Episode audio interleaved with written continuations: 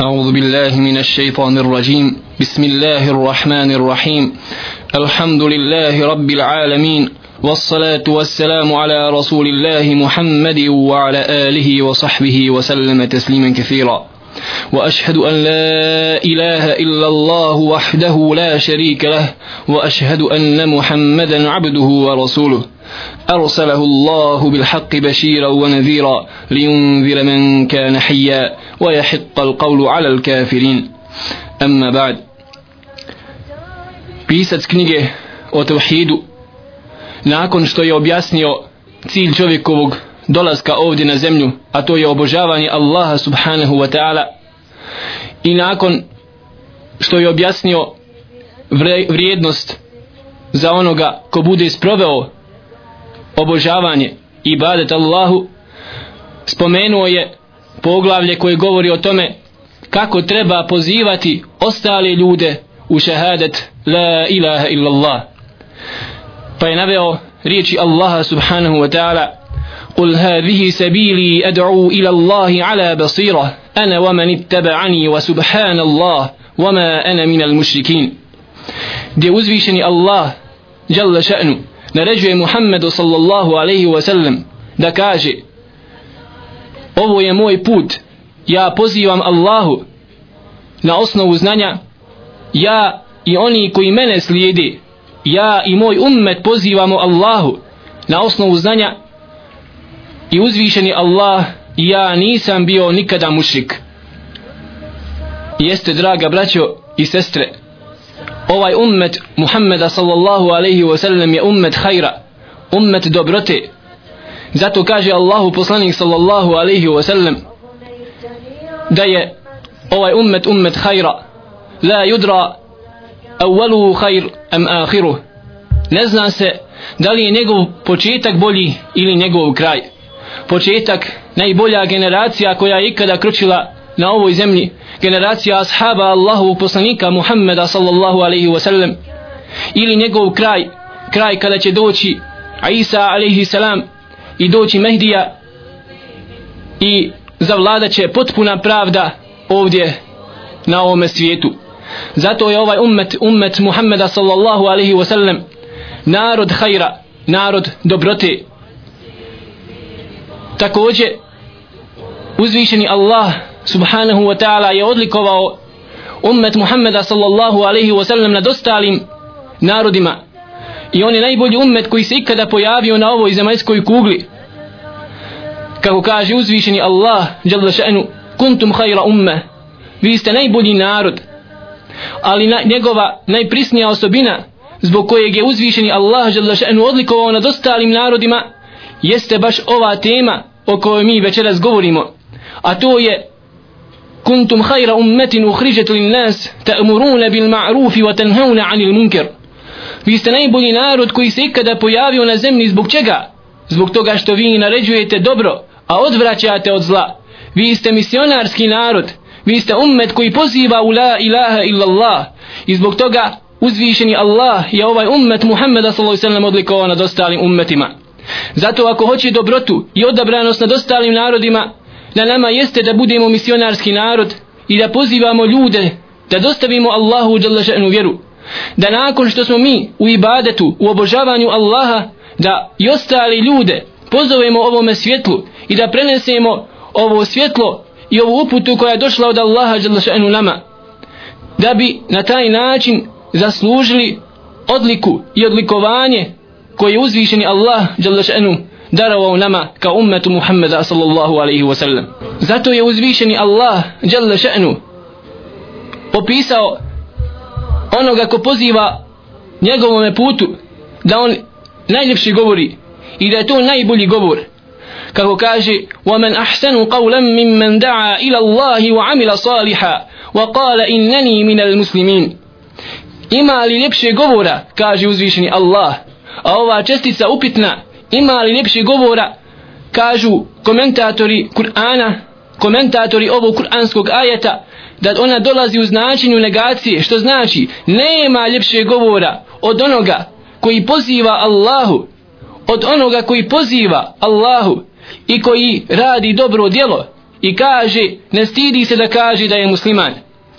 Kažu također komentatori ovog kuranskog ajeta da se ovdje na prvom mjestu podrazumijeva mu jezin koji poziva Allahu svojim ezanom ljude na najveći hajr, na namaz pet puta na dan, a nakon toga radi dobro djelo samim tim što uči jezan i obavlja namaz i govori da je musliman, govori ašhedu an la ilaha illallah wa ašhedu an ne muhammedan rasulullah. A nema sumnje da se ovaj kuranski ajet odnosi na svakoga onoga ko poziva Allahu jalla še'nu u onom momentu dok on poziva na dobro, a odvraća od zla.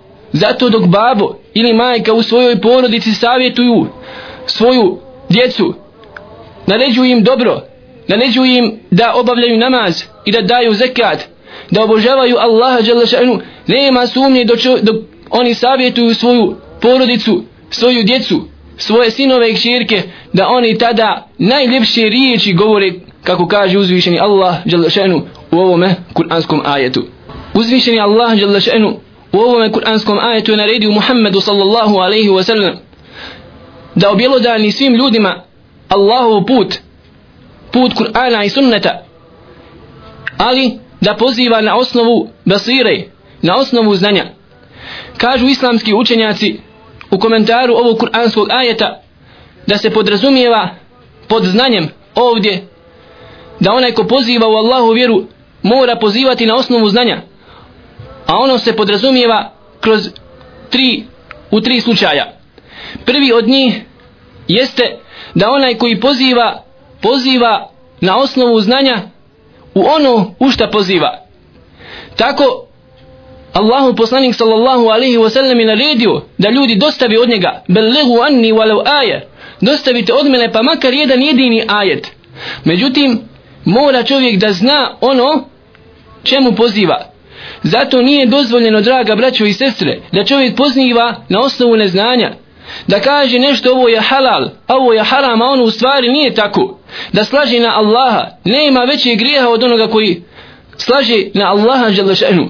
O halali nešto što je uzvišeni Allah zabranio ili o harami ono što je uzvišeni Allah subhanahu wa ta'ala ohalalio. Zato neophodno je da čovjek ne govori na Allaha osim onoga što zna. Do te mjere da kaže uzvišeni Allah želešenu.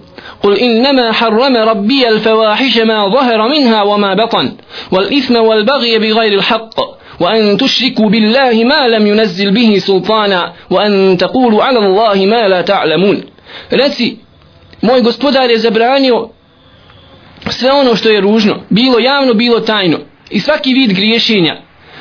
I zabranio je da mi činite širk, da mi bilo šta od mojih stvorenja pridružujete i da govorite na Allaha ono što vi ne znate.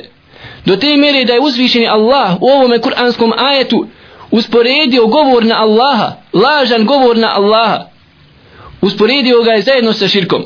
Zato čovjek kada želi da poziva u Allahu vjeru, treba da poziva u ono samo što zna. Da ne govori lažne hadise na poslanika sallallahu alaihi wa sallam, jer Allah poslanik sallallahu alejhi ve sellem je rekao men kadzaba alayya mutaammidan falyatabawwa miq'adahu min an-nar ko bude na mene slagao namjerno neka sebi pripremi stolicu mjesto u džahannemu, da nas Allah sačuva od toga.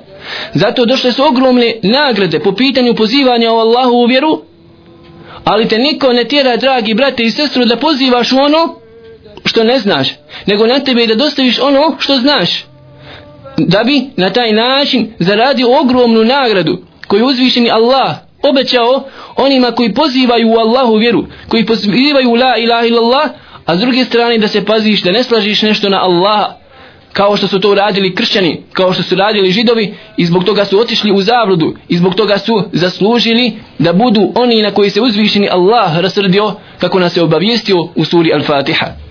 Također, ovdje u ovom kuranskom ajetu se podrazumijeva znanje o stanju onoga koga pozivaš.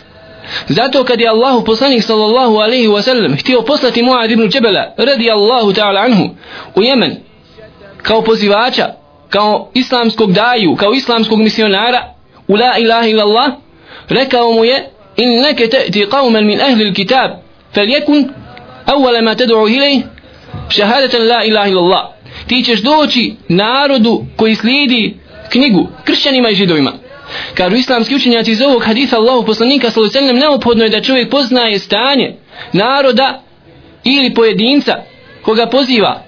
Jer nije isto, draga braćo i sestre, pozivati kršćanina i židova koji imaju određene znanje kojim je uzvišeni Allah Žešanu dao prije.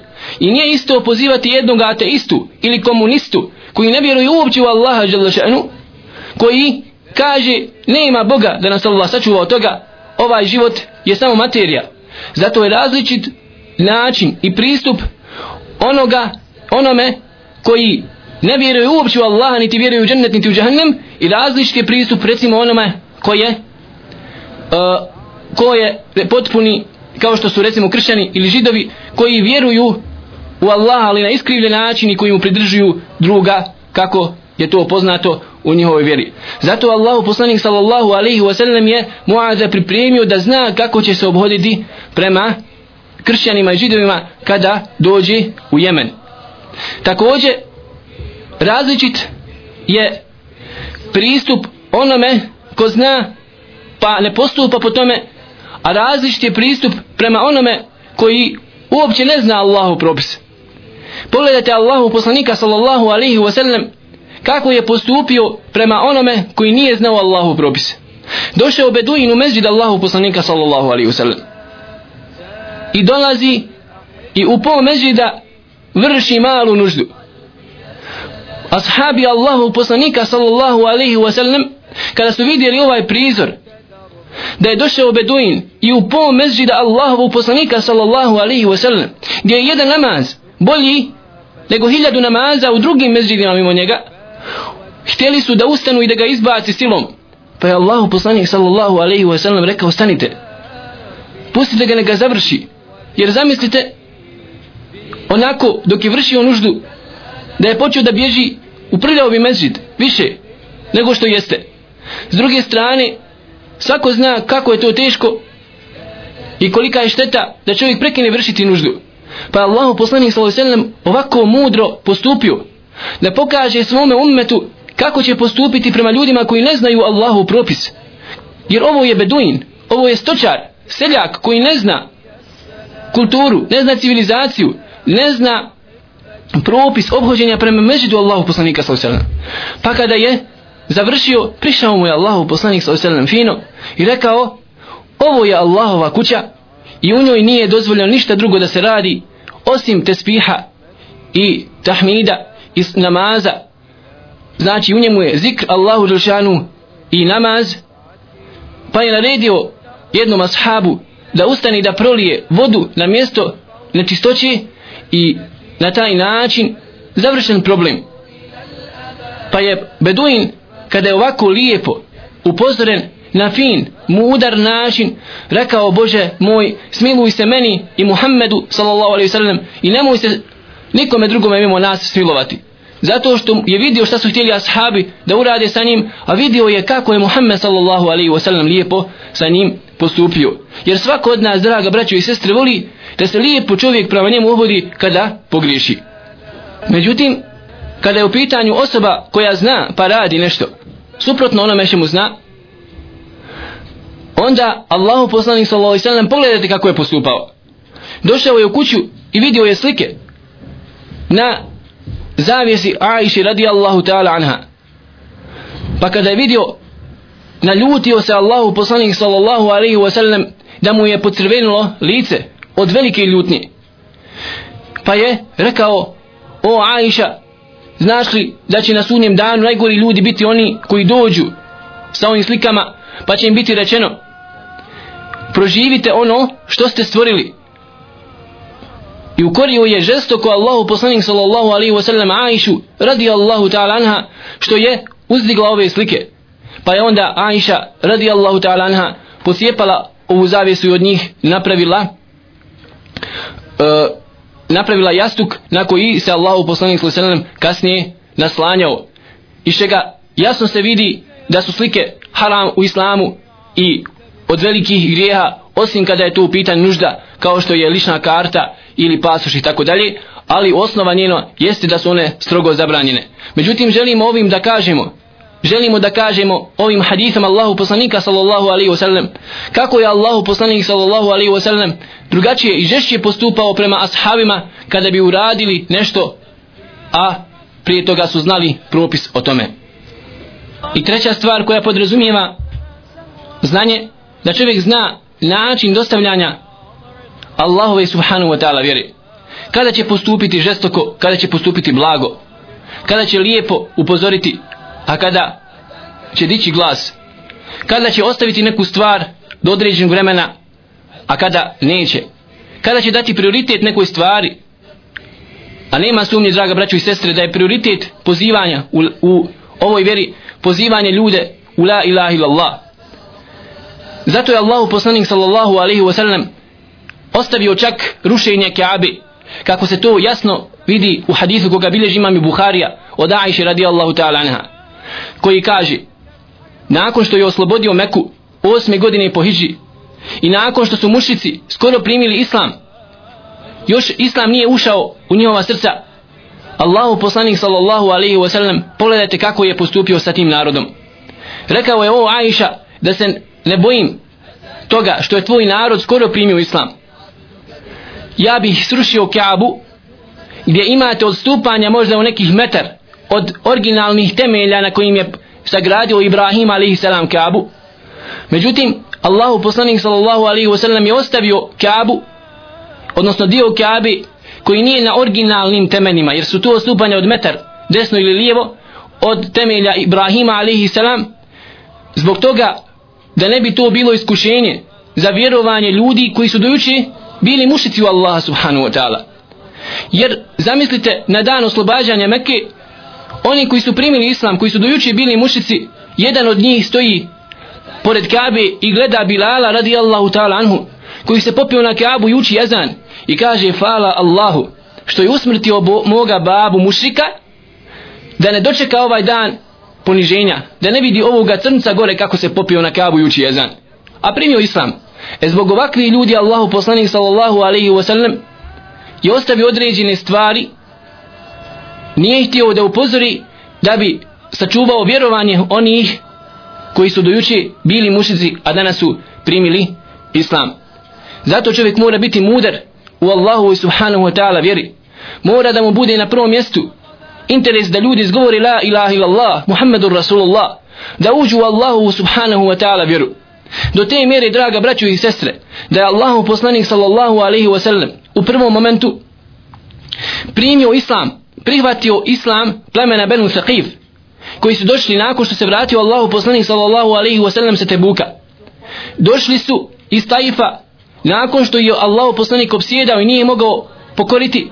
Došli su u Medinu i prihvatili islam izgovorili su la ilaha illallah muhammedur rasulullah al pod uslovom da ne daju zekat i da ne učestvuju u borbi na Allahom putu Pa Allah poslanik sallallahu alejhi prihvatio njihov islam, prihvatio njihov la ilaha illallah Muhammedur Rasulullah i rekao oni će i davati zekat i ići u borbu na Allahom putu. I tako je bilo.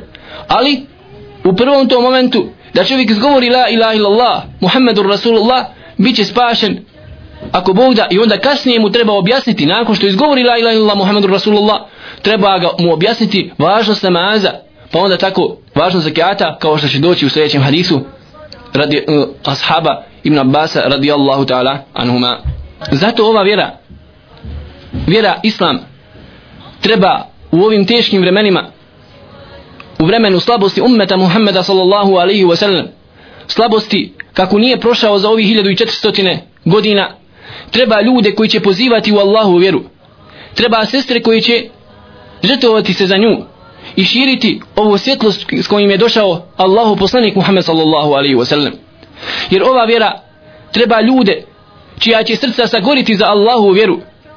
Treba ljude i žene koji će zaposliti svoje mozgove, koji neće spavati noćima i danima, razmišljajući kako da dostavi Allahu u žaldašenu vjeru Kako da prošire la ilaha illallah, Muhammedur Rasulullah, iskreno, za Allaha, očekivajući ogromnu nagradu koju uzvišeni Allah subhanahu wa ta'ala pripremi onima koji budu pozivali u la ilaha illallah Muhammedur Rasulullah.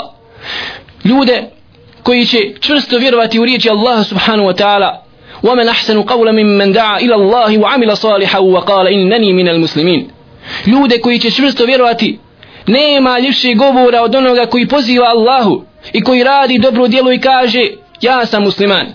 Da se ne stidi Allahove subhanahu wa ta'ala vjeri jer ako se kršćani ne stide svoga krsta ako se određeni predsjednici ne stide da izađu iz bijele kući, kući sa Biblijom u ruci zašto ti musliman ili ti muslimanka koji sa sobom nosiš svjetlo Allahu subhanahu wa ta'ala koji sa sobom nosiš čist, čistu vjeru čisto vjerovanje čisto tijelo čistoću u svakom pogledu zašto ti da se stvidiš ove uzvišene vjere. Zato dragi brate i sestro dostavi od Allaha subhanahu wa ta'ala dostavi od Allahu poslanika sallallahu alaihi wa sallam pa makar jedan ajet makar jedan hadith Allahu poslanika sallallahu alaihi wa sallam. Jer nema sumnje da ako budeš uzrokov da neko prihvati Allahu u vjeru ili da se vrati namazu ili da se vrati bilo kojim od Allahu i propisa imat ćeš nagradu za sve ono što on bude uradio s tim da njemu neće biti umanjena nagrada pa kaže pisac knjige u Tevhidu عن ابن عباس رضي الله تعالى عنهما أن رسول الله صلى الله عليه وسلم لما بعث معاذا إلى اليمن قال إنك تأتي قوما من أهل الكتاب فليكن أول ما تدعوهم إليه شهادة أن لا إله إلا الله od Ibn Abbas radijallahu ta'ala anhuma se prenosi da je Allahu poslanik sallallahu alaihi wasallam kada je htio poslati Muad ibn Džebela radijallahu ta'ala anhu u Jemen rekao poslao je Allahu poslanik sallallahu alaihi wasallam desete godine po hijđi u ovome baš mjesecu mjesecu Rabiul Awalu Mu'adha i Abu Sa'ida al-Khudri radijallahu ta'ala anhuma kao misionare kao ljude koji su shvatili ibadet Allahu subhanahu wa ta'ala i koji su praktično primijenili obožavanje Allaha i klonili se širka da oni sada idu pozivati druge u ono što oni nosi sa sobom. Pa mu je rekao Allahu poslanik sallallahu alaihi wasallam doista ćeš ti doći narodu od kršćana i židova oni koji sa sobom imaju knjigu. A to je a to su kršćani i židovi. Iz ovog hadisa kako smo rekli učenjaci uzimaju dokaz o neophodnosti poznavanja naroda mentaliteta ljudi zatim njegovog mentalnog sklopa običaja kako bi na taj način mogli pozivati dotični narod. Jer vi znate da su židovi imali određene stvari. Znali su osobine Allahu poslanika sallallahu alaihi wasallam. Imali su određeno znanje od Musa alaihi salam. Mada je ono bilo izokrenuto ali su posjedovali određene te stvari zato su oni bili najveći neprijatelji. Allahu poslanika sallallahu alaihi wasallam zato su bili učitelji u borbi protiv Allahu poslanika sallallahu alaihi wasallam do te mjere da su mušici iz Meke slali delegaciju da idu da uče kod Allahu kod da uče kod židova u Medini kako će se boriti protiv Muhameda sallallahu alejhi ve sellem u Mekke. Kako je to poznat slučaj iz povoda sure Al-Kahf. Pa je rekao ovdje u ovom hadisu Allahu poslanik sallallahu alejhi ve sellem Muazu فليكن أول ما تدعوهم إليه شهادة أن لا إله إلا الله neka prvo čemu ćeš pozivati kršćane i židove u Jemenu bude svjedočenje u la ilaha illallah iz ovog jasno se vidi prioritet pozivanja i samim tim što je Allahu poslanik sallallahu alaihi wa sallam 13 godina ostao u Mekki pozivajući svoj narod u la ilaha illallah u ispravno vjerovanje govori jasno da prvo čemu čovjek mora pozivati jeste la ilaha illallah prije čak i namaza prije i zekata i hađa, posta, na prvom mjestu mora da pozove ljude u la ilaha illallah. Pa onda kaže Allah poslanik sallallahu alaihi wasallam فإنهم أطاعوك لذلك فعلمهم أن الله افترض عليهم خمس صلوات في كل يوم وليلة pa ako ovdje ovaj veznik pa ako jasno se vidi raspored da na prvom mjestu dolazi znači la ilaha illallah pa ako se oni tebi pokore u tome izgovori la ilaha illallah Muhammedur Rasulullah onda ih obavijesti da je uzvišeni Allah Jalla še'nu naredio njima da obavljaju pet puta na dan namaz. Kao što smo rekli jasno se vidi prioritet pozivanja u Allahu subhanahu wa ta'ala vjeru da bi to došlo nakon šehadeta u la ilaha illallah. Iz ovog hadisa Allahu poslanika sallallahu alaihi wa sallam uzimaju učenjaci fikha dokaz da vitr ne spada u farl. Za razliku od nekih islamskih učenjaka koji kažu da je klanjanje vitra vađib jer ovdje Allahu poslanik sallallahu alaihi wa sallam jasno kaže obavijesti im da, ih da je, Allahu, da je Allah subhanahu wa ta'ala njima naredio da klanjaju pet puta na dan. Što znači da im nije naredio šest nego pet namaza.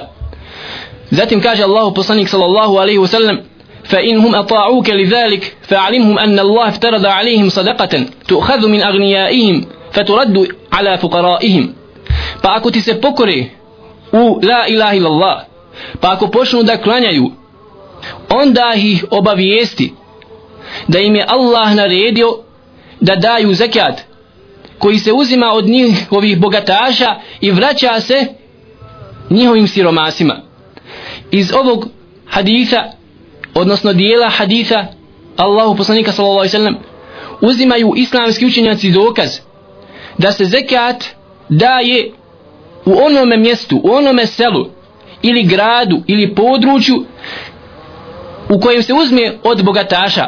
Jer Allah poslanik sallallahu ovdje kaže obavijesti da im Allah naredio da uzmu zekat od njihovih bogataša i daje se njihovim siromasima. Što znači njihovim siromasima u njihovom selu, njihovim komšijama. Zato, draga braćo i sestre, što cilj zekata jeste da ublaži bol tog siromaha, da ne bi pozavidio svome komšiji bogatašu, koji vozi dobro auto i ima dobru kuću, a on možda nema šta da jede, zato se uzima od njega, njegovog komšije, dio njegovog imetka i daje se njemu kako bi blažio tu njegovu bol i kako bi na taj način učestvovao na jednim dijelom u njegovom tom bogatstvu.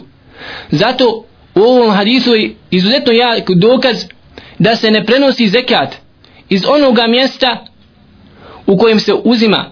Osim ako nema više tu siromaha, onda nema problema da se prenesi na susjedni grad ili selo i tako dalje. Pa kaže Allahu poslanik sallallahu alaihi wa sallam فإنهم أطاعوك لذلك فإياك وكرائم أموالهم فبدوشي الله بصنك صلى الله عليه وسلم معاذ بن جبل رضي الله تعالى عنه pa je rekao pa ako ti se pokori u tome pokori si se da daju zekat pazi se pazi se da ne uzmeš prilikom uzimanja zekata najbolju njihovu imovinu jer draga braćo i sestre zabranjeno je uzimati najbolji, najbolju recimo ovcu, ako se uzima zekat od ovci. Kao što nije dozvoljeno da uzme se ona najslabija, nego se uzima sredina, središnja ovca ili krava ili deva i tako dalje, jer Islam hoće pravdu. Pa je ovdje Allah poslanik sallallahu alejhi ve sellem jasno pozorio Muada i podučio ga kako se uzima zekat. I jasno se također iz ovog hadisa vidi da zekat uzima halifa ili imam ili zamjenik, odnosno vlast u islamskoj državi, a ne pojedinci ko stigni, nego to mora biti u zakonu i sistem, sistemski, u sistemu izrađen plan kako se jasno vidi iz ovog haditha Allahu poslanika sallallahu I onda mu je rekao: "Wattaqi da'wat al-mazlum fa innahu laysa baynaha wa bayna Allahi hijab." I boj se dove onoga kome je učinjena nepravda kome je učinjeno nasilje. Jer ako budeš uzeo najbolju ovcu prilikom uzimanja zakata, boj se nasilja, jer to je nepravda, nasilje, nije dozvoljeno to da radiš. I boj se onda dove da ne zažali neko na tebe, pa da ne digne ruke Allahu subhanahu wa ta'ala i ne uputi dovu na tebe. Fa innahu lejse bejnaha wa bejna Allahi hijab. Jer nema između dove onoga kome je učinjeno nasilje nema između njega, njegove dove, između Allaha subhanahu wa ta'ala, zastora. Zato, draga braćo i sestre, čovjek treba da se boji nepravdi, treba da pazi, jer nema zastora između onoga komu učinjeno na, nasilje i nepravda između Allaha subhanahu wa ta'ala. Pa makar bio i kršćanin makar bio i židov.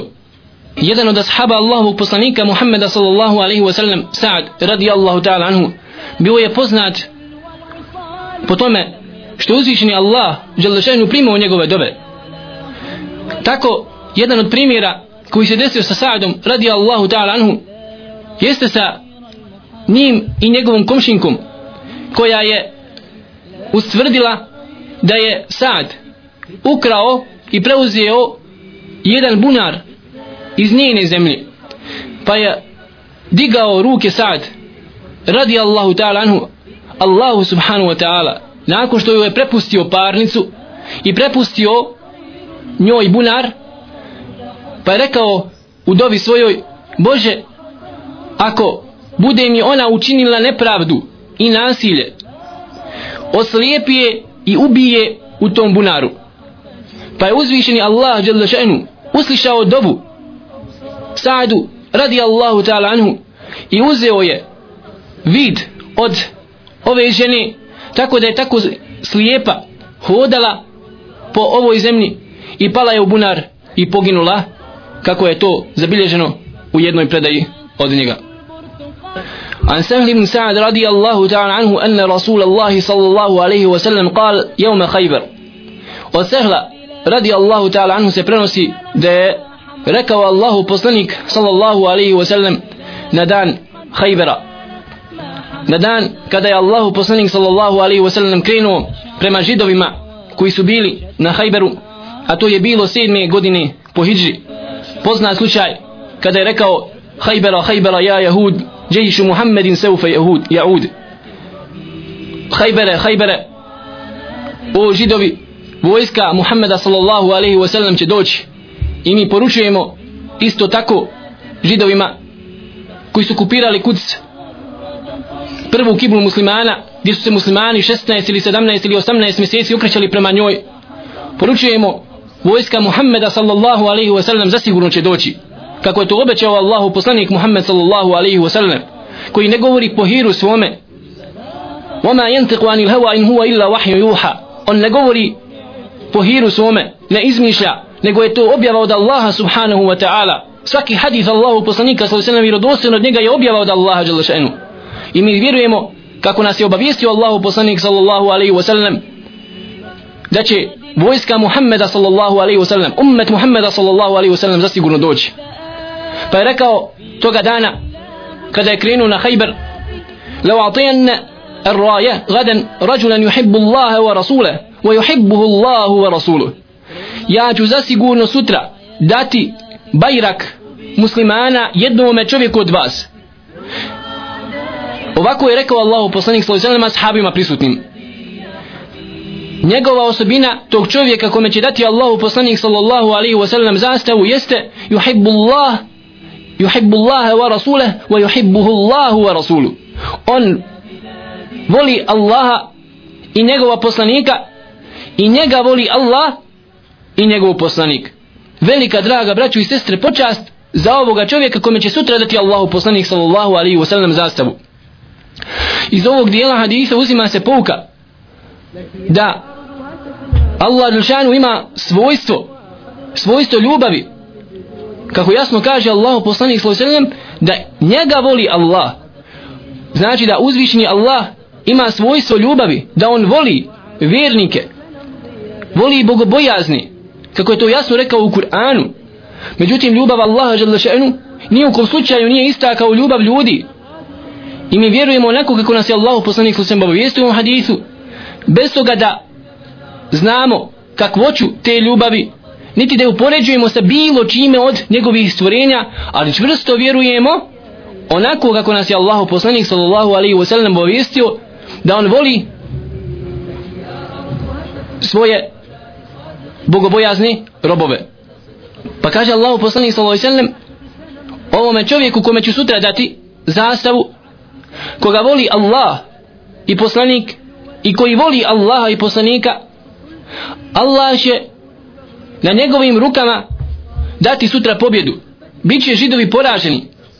Febatan nasu jedukuna lejletahum kaže Allahu poslanik kaže ovaj prenosi od Sa'd radi Allahu ta'ala anhu pa su ashabi zanoćili tu noć u iščekivanju i razgovoru.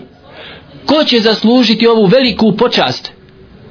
Draga braćo i sestre da mu Allah da, da mu Allahu poslanik sallallahu alejhi ve sellem dadne zastavu i posvjedoči mu ljubav Allaha i njegova poslanika.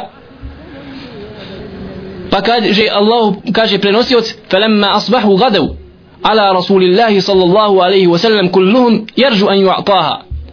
Pa ujutru kada su osvanuli krenuli su prema Allahom poslaniku sallallahu alaihi ve sellem svako od njih je imao želju da bude on taj kome će dati zastavu Allahu poslanik sallallahu alaihi wa sallam i iz ovog se jasno vidi vrijednost ashaba Allahu poslanika sallallahu alaihi wa sallam vrijednost tu i njovu želju i nastojanje i težnju da budu od onih koji će kome će dati Allahu poslanik sallallahu alaihi wa sallam zastavu فقال أين علي بن أبي طالب رضي الله تعالى عنه pa je upitao Allahu poslanik sallallahu alejhi ve sellem gdje je Alija ibn Abi Talib radijallahu ta'ala anhu. Faqila huwa yashtaki aynayhi. Pa je neko od mase rekao žali se na oči bole ga oči. Kao da su željeli ashabi da kažu bole ga oči hajmo sljedeći ne bili nekom drugom dao nakon što nema Ali ibn Taliba hajmo na sljedećeg međutim Allah poslanik sam je rekao kale fa arsilu ilayhi pošaljite nekoga da ga zovni fa utiye bihi pa je bio doveden. Znači da nije mogao sam da dođe jer su ga bolile oči skoro da nije vidio na njih. Fa basaqa fi aynayhi pa je Allah poslanik sallallahu alaihi ve sellem uzeo pljuvačku svoju i namazao njome, njome oči ali je radijallahu ta'ala anhu wada'a leh i onda je uputio dovu Allahu fa fabera pa je onda u istom momentu progledao i bio je izliječen kan lam yakun bihi waja. Kao da uopće nije imao nikada nikakav problem sa očima. I ovo je bila muadžiza Allahu poslanika Muhammeda sallallahu alaihi wasallam koji je bio sav beričetli čitao njegovo tijelo je bilo beričetli svaki dio tijela njegov je bio beričetli za njegov ummet ali u njegovom vremenu dok je bio živ. A nakon toga draga braćo i sestre ako je nešto ostalo od njegova tijela ili njegove odjeće koja je dodirivala njegovo tijelo bilo je također beričetli kao što je bio poznat slučaj od Aisha radijallahu ta'ala anha da je liječila sa džubbetom Allahu poslanika Muhammeda sallallahu alaihi wasallam nekoga bolesnoga kada je bio opsihren ili bio urečen. Međutim već nakon prvog stoljeća islama nigdje više ne možete naći bilo kakav ostatak od, od toga što je dodirivalo tijelo Allahu poslanika sallallahu alaihi wasallam. Kao što spominje imam Zehbi u svome dijelu Sjeru, Sjeru Alamin Nubela u jednome svome dijelu pa kaže kada bi neko rekao je li skupo da platimo zlatom kao brdo Uhud? Koje je dugačko 7 km izuzetno veliko da platimo zlatom šta pa Allahu poslanika sallallahu alaihi wa sallam. Bili bilo skupo rekli bi ne bi ali gdje je danas štap Allahu poslanika sallallahu alaihi wa sallam? To je bilo u 7. stoljeću ove riječi navodim ili ono mezidu i tako dalje. Sve je laž kako se može jasno vidjeti iz historije Islama. Međutim hoćemo da kažemo ovdje da Allahu poslanik sallallahu alaihi wa sallam pljuvačkom svojom sa dozvolom Allaha izličio Ali ibn Taliba i ovo bila jasna muadžiza Allahu poslanika sallallahu alaihi wasallam. I navodi Imam al-Bejhaqi u dijelu Dalailun Nububa preko 3000 muadžiza koje su se desile Allahom poslaniku Muhammedu sallallahu alaihi wasallam. Pa je onda fa'atahu ar-raya faqal pa je onda dao zastavu Allah Ali ibn Abi Talibu radi Allahu ta'ala anhu i rekao mu idi polako sve dok ne uđeš pred sami tvrđave njihove i onda sum medu'uhum ila islam i onda i pozovi u islam. Pozovi židove da prime islam prije nego što otpočne borba. Ovako je Allahu poslanik sallallahu alaihi wasallam objasnio Ali ibn Abi Talibu radi Allahu ta'ala anhu smisao i svrhu borbe na Allahovom putu. Da nije svrha prolivanje krvi samo i u kom slučaju kako to žele zapadnjaci i neprijatelji Islama da prikažu ljudima i da im prenesu lažnu sliku o džihadu da je to širenje Islama silom ne nijukom slučaju draga braćo i sestre. Jer ova vjera poznaje stepenove. Na prvom mjestu kada muslimani ojačaju i kada budu snažni prije nego što otpočnu borbu sa neprijateljem sa kojim nemaju ugovor ili raskinu ugovor o primjeru na prvom mjestu oni pozivaju u islam. Jer pogledajte Allahu poslanik sallallahu alaihi wasallam naredio ovdje Ali ibn Abi Talibu pozovi u la ilaha illa Allah jer ako povjeruju fa in tabu wa aqamu salata wa atu zakata fa ihwanukum fi din jer kaže uzvišeni Allah ako se pokaju i budu davali zekat i budu obavljali namaz oni su vaša braća, braća u vjeri. Ko bude od kršćana ili židova primio islam on je brat muslimanu. Jer ovako je podučio Allah poslanik sallallahu alaihi wa sallam ali ibn pozivanja u la ilaha illallah da prolivanje krvi nije samo po sebi cilj. I vi znate stepenove samog vođenja borbe. Vi znate stepenove davete i pozivanje u Allahu vjeru. A to je da je prvo tri godine u Mekki Allahu poslanik sallallahu alejhi ve sellem pozivao tajno. Pozivao tajno. Sve dok nije došao kuranski ajet fasda bima tu'mar wa'rid 'anil jahilin. Objelodani ono što ti biva naređeno. Dostavi Allahu vjeru jasno. I potrajao je ovaj period sve do hidže 13 godina pozivao Allahu poslanik sallallahu alejhi ve sellem samo riječima. Nije mu bilo dozvoljeno da upotrijebi silu zabranjeno bilo vođenje borbe nego samo riječima pozivati u Allahu dželešenu vjeru širiti. Zbog toga što su muslimani tada bili slabi bili su nejač nejačan narod nisu imali zube da bi se mogli klati sa vukovima. Do te mjeri da je uzvišeni Allah subhanahu wa ta'ala u suri Al-Anfal opisuje واذكروا إذ أنتم قليل مستضعفون في الأرض تخافون أن يتخطفكم الناس فآواكم وأيدكم بنصره ورزقكم من الطيبات لعلكم تشكرون Sjetite se kad ste bili manjina na zemlji. Bojali ste da vas narod ne svrne pa vas pohvata tako. To ako ste bili slabi nejačci, nejačak narod. 50, 60, 70 ashaba u Mekki. Bojali ste se da vas ne svrnu. Pa onda Allah šanu dao vam utočište, dao vam Medinu, dao vam državu proširio se islam. Narasli su zubi islamu. Došao je Bedr pa je Bilal radi Allahu ta'ala anhu onoga Umeja ibn Halefa koji ga je mučio na suncu. Došao je vakat kada je trebao da uradi i da mu se osveti za ono što je bio mučen na suncu izgovarajući riječi ahad ahad. Tako draga braćo kada su muslimani nejača narod biva im obavezno da pozivaju Allahu vjeru riječima. Pogledajte stanja u Mekki ashaba radi Allahu ta'ala anhum. Abdullah ibn Mas'ud gleda Allahu poslanika sallallahu alejhi ve koji klanja kod po Kabe i dolazi Ebu Džehl. I od deve utrobu uzima koja je uče bila zaklana. I u momentu dok je Allahu poslanik bio na seždi baca utrobu na njega. Abdullah ibn Mas'ud ne samo da nije smio udariti Ebu Džehla ili nešto uraditi, nije smio prići Allahom poslaniku sallallahu da mu pomogne. Pa je došla Fatima radijallahu ta'ala anha i sklonila sa leđa Allahu poslanika sallallahu alejhi ve utrobu. Međutim, to je zato što su muslimani bili slabi, bili malobrojni. Zato trebaju pozivati i omasoviti Allahu vjeru, da ljudi što više svati Allahu vjeru, da postanu snaga i onda kada zubi im narastu onda da se mogu se vukovima klati kaže Allahu poslanik sallallahu alaihi wasallam prvo i pozovi u islam pa ako onda odbiju ka, kako kažu islamski učenjaci da je bila praksa Allahu poslanika sallallahu alaihi wasallam onda im se ponudi primirje u smislu plaćanja džizije da se ne bore muslimani protiv njih ali da plaćaju im porez pa ako i to ne budu dali onda vodi se borba protiv njih. Pa kome opanci, a kome obojci. I kaže Allahu poslanik sallallahu alejhi ve sellem: wa akhbirhum bima yajibu alayhi min haqqi Allah ta'ala fi. I obavijesti židove na Hajberu prije nego što otpočneš sa borbom obavijesti im šta je obavezno njima prema Allahu želešanu obavijesti da moraju da uđu la ilaha illallah u Allahu subhanahu wa ta'ala vjeru.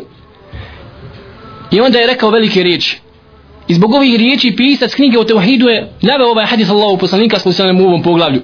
Fa wallahi la an yahdi Allahu bika rajulan wahida khairun laka min humurin ni'am. I tako mi Allah da Allah putem tebe uputi samo jednog jedinog čovjeka. Bolje ti je od crvenih deva. Od crvenih deva koji su bile simbol bogatstva u vremenu poslanika Muhammeda sallallahu alaihi wa sallam dragi brate i sestro da uzvišeni Allah Đelešanu uputi putem tebe jednoga samo čovjeka bolje ti je nego čitav dunjaluk bolje ti je nego čitava čitav ovaj svijet kako kaže Allah poslanik sallallahu alaihi wa sallam.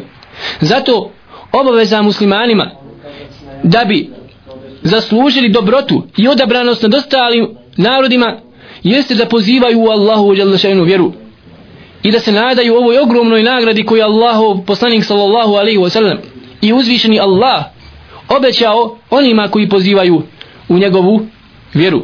A nema sumnje da će on pomoći onoga ko bude pomogao Allahu u vjeru. Draga braćo i sestre ono što čovjek pogodi to je od Allaha Đalešanu i to je uspjeh od njega a ono što pogriješi to je od mene i od šeitana.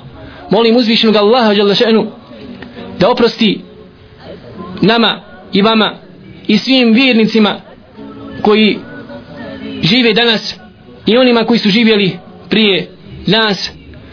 I donosite što više salavata na Allahu poslanika sallallahu alaihi wasallam pogotovo večeras i sutra u petak jer Allahu poslanik sallallahu alaihi wasallam je rekao من صلى علي صلاة واحدة صلى الله عليه بها عشرة كبود دنيا يزن سلواتنا الله بسنينك محمد صلى الله عليه وسلم وزفيشني الله ودروشت donesi دونسي سلوات na njega. سلواتا لنجا اللهم صل wa محمد وعلى آل محمد كما صليت على wa وعلى آل إبراهيم innaka حميد مجيد